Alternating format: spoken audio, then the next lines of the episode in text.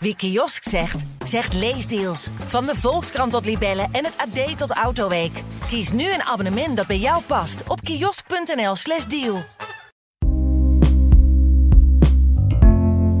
Hallo, mijn naam is Pieter Klok. Ik ben hoofdredacteur van de Volkskrant. En dit is een nieuwe aflevering van de Volkskrant Elke Dag. De dagelijkse podcast waarin we de achtergronden bij het nieuws bespreken. En vooral proberen te schetsen hoe de wereld op tal van terreinen onder onze ogen aan het veranderen is.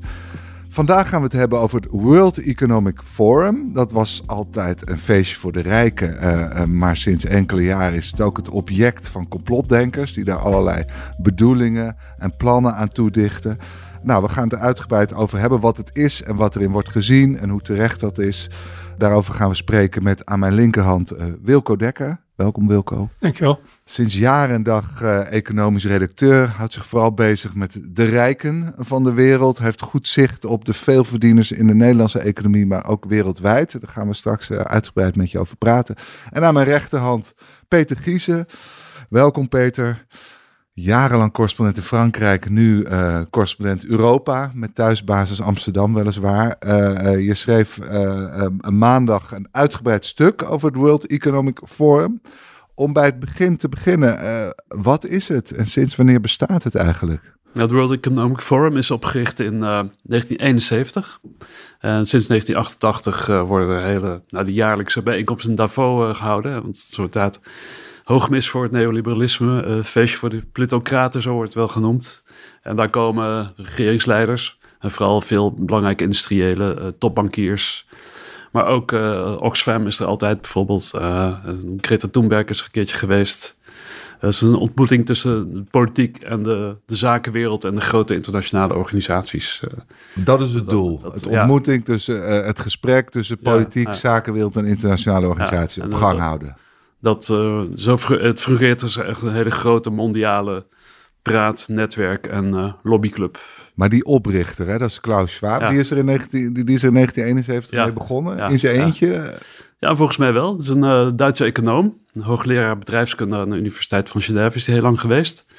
En die heeft van het World Economic Forum een uh, heel florerend bedrijf gemaakt. Een omzet van tegen de 400 miljoen euro per jaar. Hij schijnt zelf daar uh, 1 miljoen uh, aan over te houden elk jaar. Maar hij is gewoon begonnen om mensen te benaderen ja, van, ja. van, van doe mee. Met, ik, ik ga ja. discussies organiseren, uh, doe mee. En uiteindelijk is dat dus die jaarlijkse In eerste instantie wil die Amerikaanse methode, met name managementmethode, overbrengen naar Europa. Mm -hmm. En het is nou ja, uitgegroeid tot een ontmoetingsplaats hè, voor iedereen die ertoe doet of die vindt dat hij er zelf toe doet. Ja. Dus uh, ja, het is ook een, een, een conferentie waar je op een gegeven moment moeilijk meer kon wegblijven. Ja, want die 400 miljoen omzet, wordt die dan helemaal met de jaarlijkse conferentie gehaald? Nou, hij heeft ook allerlei andere activiteiten. Allerlei spin-offs. Ja, spin ja, heel veel spin-off aan. Oké, okay, maar die, dus... die Schwab, die is, uh, dat is nog wel aardig dat hij... Ja, dat is gewoon een soort, soort schurk geworden hè, voor sommige mensen. Mm -hmm. Het is een beetje uh, een figuur, zo'n zo schurk uit een James Bond film. Mm -hmm. uh, die daar ver weg in de bergen aan de touwtjes zit te trekken. En hij heeft ook een heel gek uh, Engels accent. Of een, hij spreekt Engels met een heel raar Duits accent. Ja. Waardoor hij zeker voor Amerikanen ook een beetje zo'n schurk uit een James Bond film is. Of een, of een ja. nazi. Uh, ja. Het zijn alleen maar dat soort mensen die uh, zo Engels praten in Amerikaanse films. Oké, okay, dus dat, dat, dat is echt een duidelijk nadeel. Dus hij lijkt te veel op de slechte mensen uit Amerikaanse films. Ja, ja, ja. Oké, okay, en, en goed, en, en die jaarlijkse bijeenkomst, hoe moeten we dat voor ons zien? Dan worden van over de hele wereld worden allerlei mensen ingevlogen ja. naar, naar Davos. Hoe, hoe, hoe, hoeveel mensen komen er en, en wat gebeurt er vervolgens? Nou, er komen 2500 mensen ongeveer. 2700. 2700. Veel okay. met uh, privéjets. En er zijn allerlei forum uh, bijeenkomsten, dus uh, discussies over globalisering en technologie en economie. Ja, je kunt het zo gek niet bedenken. en zoals dat gaat met die dingen, vinden echte interessante ontmoetingen uiteraard achter de schermen plaats. Mm -hmm. He, gewoon in, bij borrels of bij gewoon gesprekken tussen mensen die elkaar ontmoeten omdat ze kennis maken, willen maken of iets van elkaar willen of een standpunt onder de aandacht willen brengen. Maar heeft het en ook dat... een resultaat, zo'n bijeenkomst? Net als bij grote VN-toppen? Dat, dat, dat, dat... Nee, nee dat, okay. is niet, het is geen uh, formele agenda, ook geen, uh, geen slotverklaring. Uh, Het is natuurlijk wel een soort broedplaats van ideeën. Ja. Eh, en die ook toch ook een beetje een eigen leven kunnen gaan leiden. Ja. Eh, dus al die, die regeringsleiders bijvoorbeeld, die komen daar eh, in Davos. En die horen die, eh, nou ja, in ieder geval tot voor kort, eh, vaak heel liberale, neoliberale ideeën. En dat, ja, daar gaat natuurlijk een zekere invloed van uit. Als je denkt, van, de hele wereld denkt er zo over. Ja. ja, wie ben ik dan om eventueel iets anders te vinden? En Schwab die maakt ook elk jaar een Global Competitiveness Index, Mhm. waarin die zeg maar, de concurrentiekracht of het vestigingsklimaat van landen met elkaar vergelijkt. Ja, dat is natuurlijk eh, altijd in het voordeel van landen met de lage belastingen en eh, weinig eh, regels. Mhm.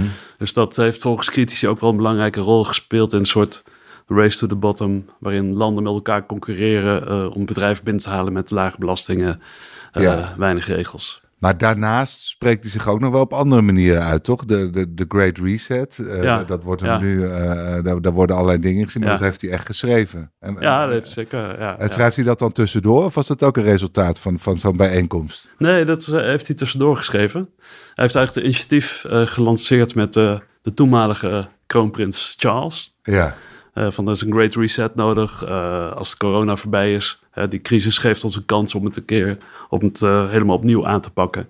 En een eerlijker en duurzamer eh, wereld eh, tot stand te brengen. maar dat was dat voor het eerst dat hij de nadruk legt op eerlijkheid en duurzaamheid. Want je zegt, het begon ooit met het overnemen van het Amerikaanse managementdenken. Daarna werd het toch wel een min of meer neoliberale bijeenkomst. Ja. eh, Zeker door die Ja. Global Competitive Index. Was dat een kentering in zijn denken? Nee, hij heeft al eerder, ehm, zeg maar ook na de financiële crisis, heeft hij gezegd: we moeten het over een andere boeg gooien. En Ja. eh, zoals Naomi Klein, hè, de bekende Canadese activiste, die heeft toch gezegd van hij heeft eh, tijdig ingezien van als ik er niet, niet wat goede doelen eh, aan eh, toevoeg, als ik niet een soort idealistisch sausje overheen giet, Ja, dan staan hier straks de hooivorken voor de deur. ja. En zij ziet de Great Reset dan ook als zo'n vrij doorzichtig public relations offensief. Dus een Ehm, trucje om te voorkomen trucje dat er revoluties uitbreken, Precies. dat de woede tegen de rijke En, de eh, aarde zo groot wordt. Ja, en, en om te voorkomen dat bijvoorbeeld overheden dat die echt ingrijpen en echt de belastingen gaan verhogen en de maar is, strenge regels is, die Schwab dan een leider of probeert hij vooral de, de, de tijdgeest goed aan te voelen, zodat hij ongeveer verwoordt waar de, waar de bovenklasse, de, de wereldwijde bovenklasse ongeveer zit in hun denken? Ja, nou, ik zou zeker zeggen dat laatste. Ja. Ja. dat eh, heeft hij toch eh, heeft hij ook heel knap gedaan. eh, door da- van Davos zo'n eh, toonaangevend eh, instituut eh, te maken. Ja, maar het, het is zachte invloed, toch? Ja, het is een hele, zachte invloed. Ja, eh. en, en, en ook niet altijd meetbare invloed dus. Nee, het is natuurlijk wat heb je natuurlijk altijd bij lobby en netwerken. Dat Ja. eh, vindt doorgaans achter gesloten deuren plaats.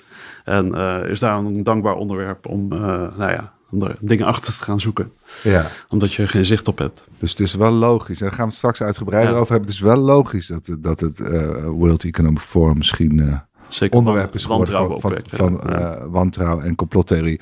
Wilco, jij schreef vandaag dat er eh, maar liefst het- het 200 miljonairs zijn die ook naar Davos gaan en, en die hun komst vergezeld hebben doen gaan van de oproep om de allerrijkste veel zwaarder te belasten. Eh, Zeker. Waar komt het vandaan? Jij zegt maar liefst 200 eh, eh, miljonairs, maar er zijn natuurlijk miljoenen miljonairs in de wereld. Dus eh, er kan nog meer bij, laat ik zeggen. Al een tijdje is er onder eh, een deel van eh, de miljonairs schaamte over de ongelijkheid in de wereld, hoe eh, die verdeeld is. Mhm. En zij roepen de regeringsleiders in dit geval op om de superrijken zwaarder te belasten. Ja, Dat is ook vrij concreet. 2% vermogensbelasting jaarlijks boven de eh 5 miljoen. 3% boven de 50 miljoen. En miljardairs 5%. Oké, dus, maar, maar en dan heb je ook nog de limitaristen. Daar heb je eerder deze maand een heel mooi stuk over geschreven. En die zeggen eigenlijk, er moet sowieso een maximum zijn. Dus boven een bepaald niveau moet je 100% belasten. Ja, dat verschilt eh, per limitarist. Oké, Ingrid Robijns heeft eh, daar eh, gisteren nog een stuk over geschreven.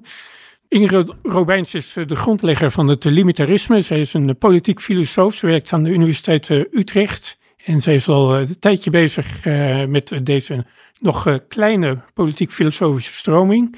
Die eh, beoogt dat eh, boven een bepaalde grens nog meer rijkdom moreel niet aanvaardbaar is en maatschappelijk schadelijk. Ja. Dat mensen zoveel geld uh, Het hebben. deed me denken aan Astrid Lindgren, die ooit 99% belasting moest betalen boven een bepaald bedrag. De goede En oude tijd. Ja, en daartegen protesteerde overigens. Dus Zweden heeft, heeft deze situatie ooit gekend. Groot-Brittannië ook volgens mij was in de jaren 70, 90 eh, procent Ja. Vermogensbelasting. Amerika ook, hè? Heeft eh, hele hoge eh, Ja, tarieven Amerika gehad ook. eh, na de oorlog. En dat was toen nog uit angst voor de communisten. Dachten we moeten een beetje Ja, eerlijkheid nastreven in de samenleving. Ja, dat, dat speelde een rol. Ja. Ook de, natuurlijk de noodzaak om een hele sterke defensie op te bouwen. Mhm. Maar inderdaad ook zeg maar, uit angst voor eh, communisme en nou, de fascisme, Ja. extreme ideologieën. Eh, waar ze in de jaren 30, 40 eh, ja, iedereen enorm van geschrokken Ja. was. Het idee van, ja, we moeten toch een zekere gelijkheid in de samenleving eh handhaven. Ja, dus dat denken is eigenlijk weer terug. Maar leidt het al tot resultaat? Zijn er al landen die hebben besloten hun, hun rijkaarts zwaarder te belasten? Ik zag eh, een, een tweet van Rutger Bregman, die Mhm. in 2019 furoren maakte op het World Economic Forum door te pleiten voor hogere belasting. Niet geen filantropie, geen liefdadigheid, allemaal hobbytjes, gewoon meer belasting betalen en rijken. Ja, Hij is sindsdien niet meer uitgenodigd, belde hij zelf. En van de eh, honderden sessies eh, dit jaar gaat er één over eh, belastingen. Dit was toen hij zelf op bezoek was. Alleen hij zegt, dat vond ik wel heel goed, je kunt niet zeggen dat het voor niets is geweest, want er is echt een serieuze beweging nu aan de gang. Dat zie je, er eh, wordt gewerkt aan een minimumtarief, winsttarief van 15% voor eh, multinationals. Volgens mij is Ja, de Europese ja. Unie inmiddels naar wat verzet van Hongarije en. Polen. Ja. Het is wel Eh, heel laag natuurlijk, hè? Ja, dat is heel laag, 15%. maar eh, het legt een ondergrens. Dat is Mhm. het belangrijkste.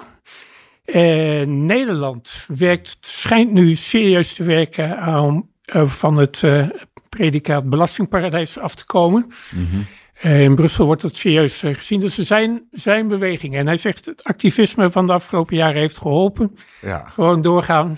Want, eh, en je ziet het ook aan de reacties op eh, het limitarisme. Blijkbaar eh, is er inmiddels een moment dat dat, dat tractie eh, krijgt, dat het eh, aandacht krijgt. Want twee jaar geleden heeft Ingrid Robijn precies hetzelfde gezegd. Ja. Nul reactie. Viel het dood. Oké, dus, dus het leeft. En, Ja. eh, en die verschillen zijn natuurlijk inmiddels ook zo groot geworden. Want Oxfam Novib, die doet altijd vooruitlopend op het World Economic Forum. En maakt zij de, de balans op. hè? Hoe is het met de ongelijkheid in de wereld? Hoe is het nu met de ongelijkheid in de wereld? Ze zeggen dat eh, het aantal mensen met 5 miljoen dollar of meer bezit, vermogen, de helft gegroeid is, meer dan de helft, 50 miljoen ook. En het aantal miljardairs afgelopen de- decennium in aantal is verdubbeld en in vermogen is eh, verdubbeld. Dus dat zou inderdaad pleiten om daar eens eh, naar te kijken. Oké, Wilco, het gaat dus niet over belasting, of althans maar in één sessie. Eh, hebben we enig idee waarover wel wordt gepraat tijdens het forum? Het samenwerken in een gefragmenteerde wereld is het thema van dit jaar. En het gaat eigenlijk over alle crisis die tegelijk plaatsvinden. Energiecrisis, voedselcrisis, koopkrachtcrisis, oorlog in Oekraïne. Daarvoor zitten ze bij elkaar. En wordt er in openbare en besloten sessies eh, over eh, gesproken. Ja, Hoe dat aan te pakken, daar gaat het eigenlijk om. En in aanvulling op Peter, het interessante van het World Economic Forum is dat het eh zogeheten consensus building factories zijn. Je bent daar met gelijkgestemden. Dus jij kunt je standpunten een beetje aftasten, een beetje ideeën van hoe denken mijn peers daarover.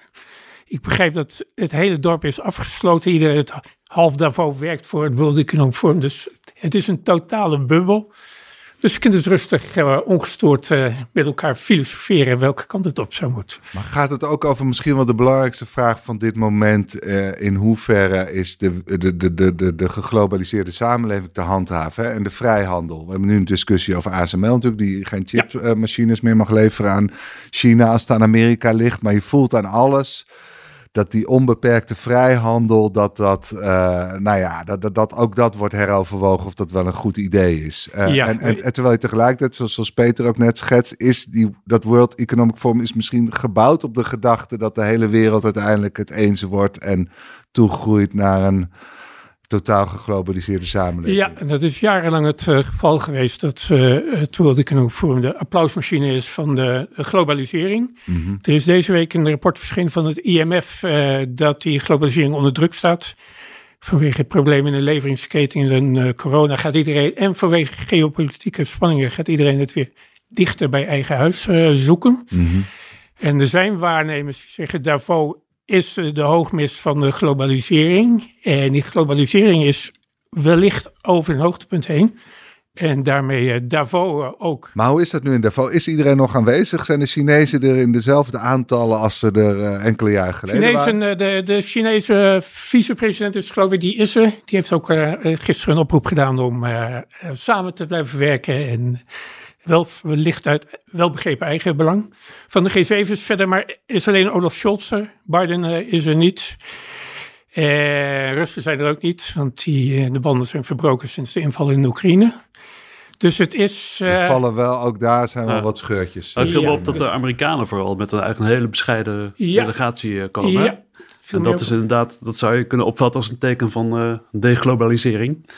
Ja. Dus dat de Amerikaans toch ook uh, meer op eigen dus is het dan denkbaar dat, dat iedereen zich een beetje terugtrekt uit het forum uiteindelijk? Of uh, omdat ze denken, ja, maar dat de, die hoogmis voor de globalisering, daar willen we helemaal niet meer. Uh, ja, nou, je kunt je heel goed voorstellen dat over tien jaar uh, dat Davos toch heel veel van zijn glans verloren heeft. Maar ja. ja, dat is een beetje afwachten natuurlijk. Oké, okay. goed. We gaan het hebben over hoe, hoe het World Economic Forum wordt gezien door complotdenkers en, en sommige politici, zoals Thierry Baudet. Die, die was ook op, op weg mm. naar Davos geloof ik. Dus we kunnen nog wel wat theater verwachten de komende tijd.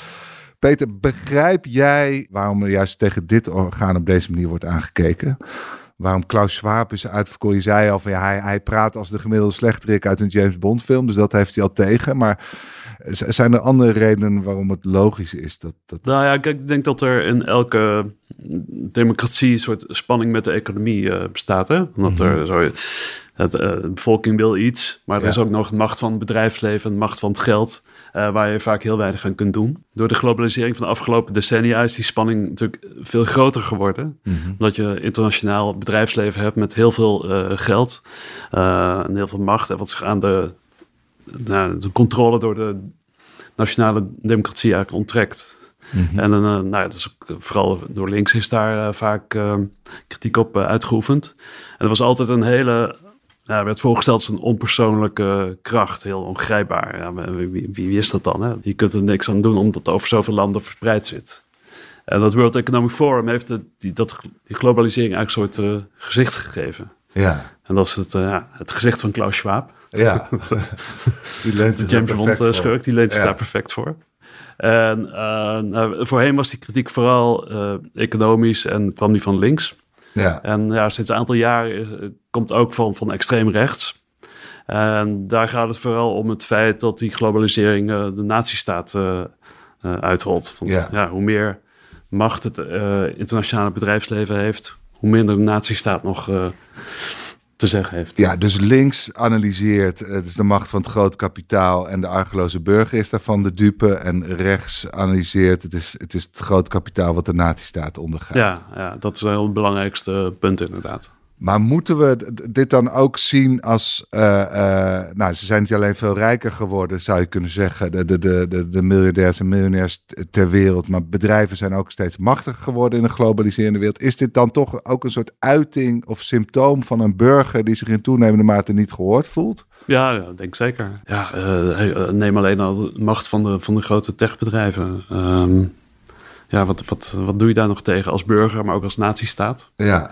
Uh, dat is toch, toch een hele sfeer waarop je maar heel weinig uh, invloed hebt. Ja, dus het zijn ook wel begrijpelijke revolutionaire tendensen tegen een, een bepaalde nou, machtsconcentratie. Die, die, die, zorgen die, uh, kun je heel goed voorstellen. Ja. Alleen om dan de, van daaruit sprong te maken naar een van de soort schaduw wereldregering die achter ja. het scherm aan de touwtjes trekt, dan ervoor zorgt dat iedereen ook hetzelfde doet. Hè? Wat, wat ook over het algemeen helemaal niet zo is. Ja. Er zijn ook een hele grote tegenstelling tussen bijvoorbeeld tussen um, Amerika en Europa op het gebied van, uh, van de economie. Uh, wat die, nou, de IRA, de, uh, Amerika dat zijn eigen ehm, industrie mm. toch heel sterk subsidieert tot ja. ongenoeg van Europa. Dat ruimt helemaal niet met een beeld van Klaus Schwab. Of, uh, nee, maar, maar het beeld is, Klaus Schwab heeft, heeft een plan met de wereld. Een speler. Ja, ja, ja. dat klassieke antisemitische beeld ook. Uh, maar hij heeft een plan met de wereld. En, en Ik geloof dat Klaus Schwab een keer heeft verkondigd dat we eh, dingen meer moeten delen. Hè? Dat we naar een deeleconomie uh, moeten. Nou ja, dat is oh. heel gek. Uh, dat is wel een mooi voorbeeld van hoe complottheorieën kunnen werken. Ja. Kijk, zijn, uh, nou, hoeveel van die discussiefora zijn er elk jaar in Davos? ja, echt tientallen. Tientallen. Ja. En er was er eentje, die ging over in 2016, ging over een deeleconomie. Er was er een Deense sociaaldemocraat, Ida Auken.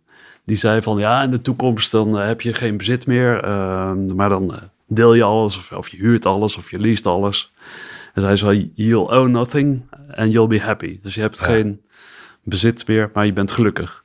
En dat is toen eerst toegeschreven aan Klaus Schwab. En vervolgens uh, opgevat als het bewijs dat Klaus Schwab een soort vorm van communisme wilde vestigen over de wereld. Ja. Dus nou, dan kun je wel zien hoe snel die sprongen gaan. Ja, maar zijn er meer voorbeelden van dit soort misverstanden? Dat iets wat hij heeft gezegd uh, op een manier wordt geïnterpreteerd die eigenlijk met zijn bedoelingen niks meer te maken heeft? Ja, er zijn allerlei uh, voorbeelden. Hij heeft bijvoorbeeld ook ooit gezegd van uh, build back better. Ja. Dus je moet na de crisis beter een betere samenleving opbouwen.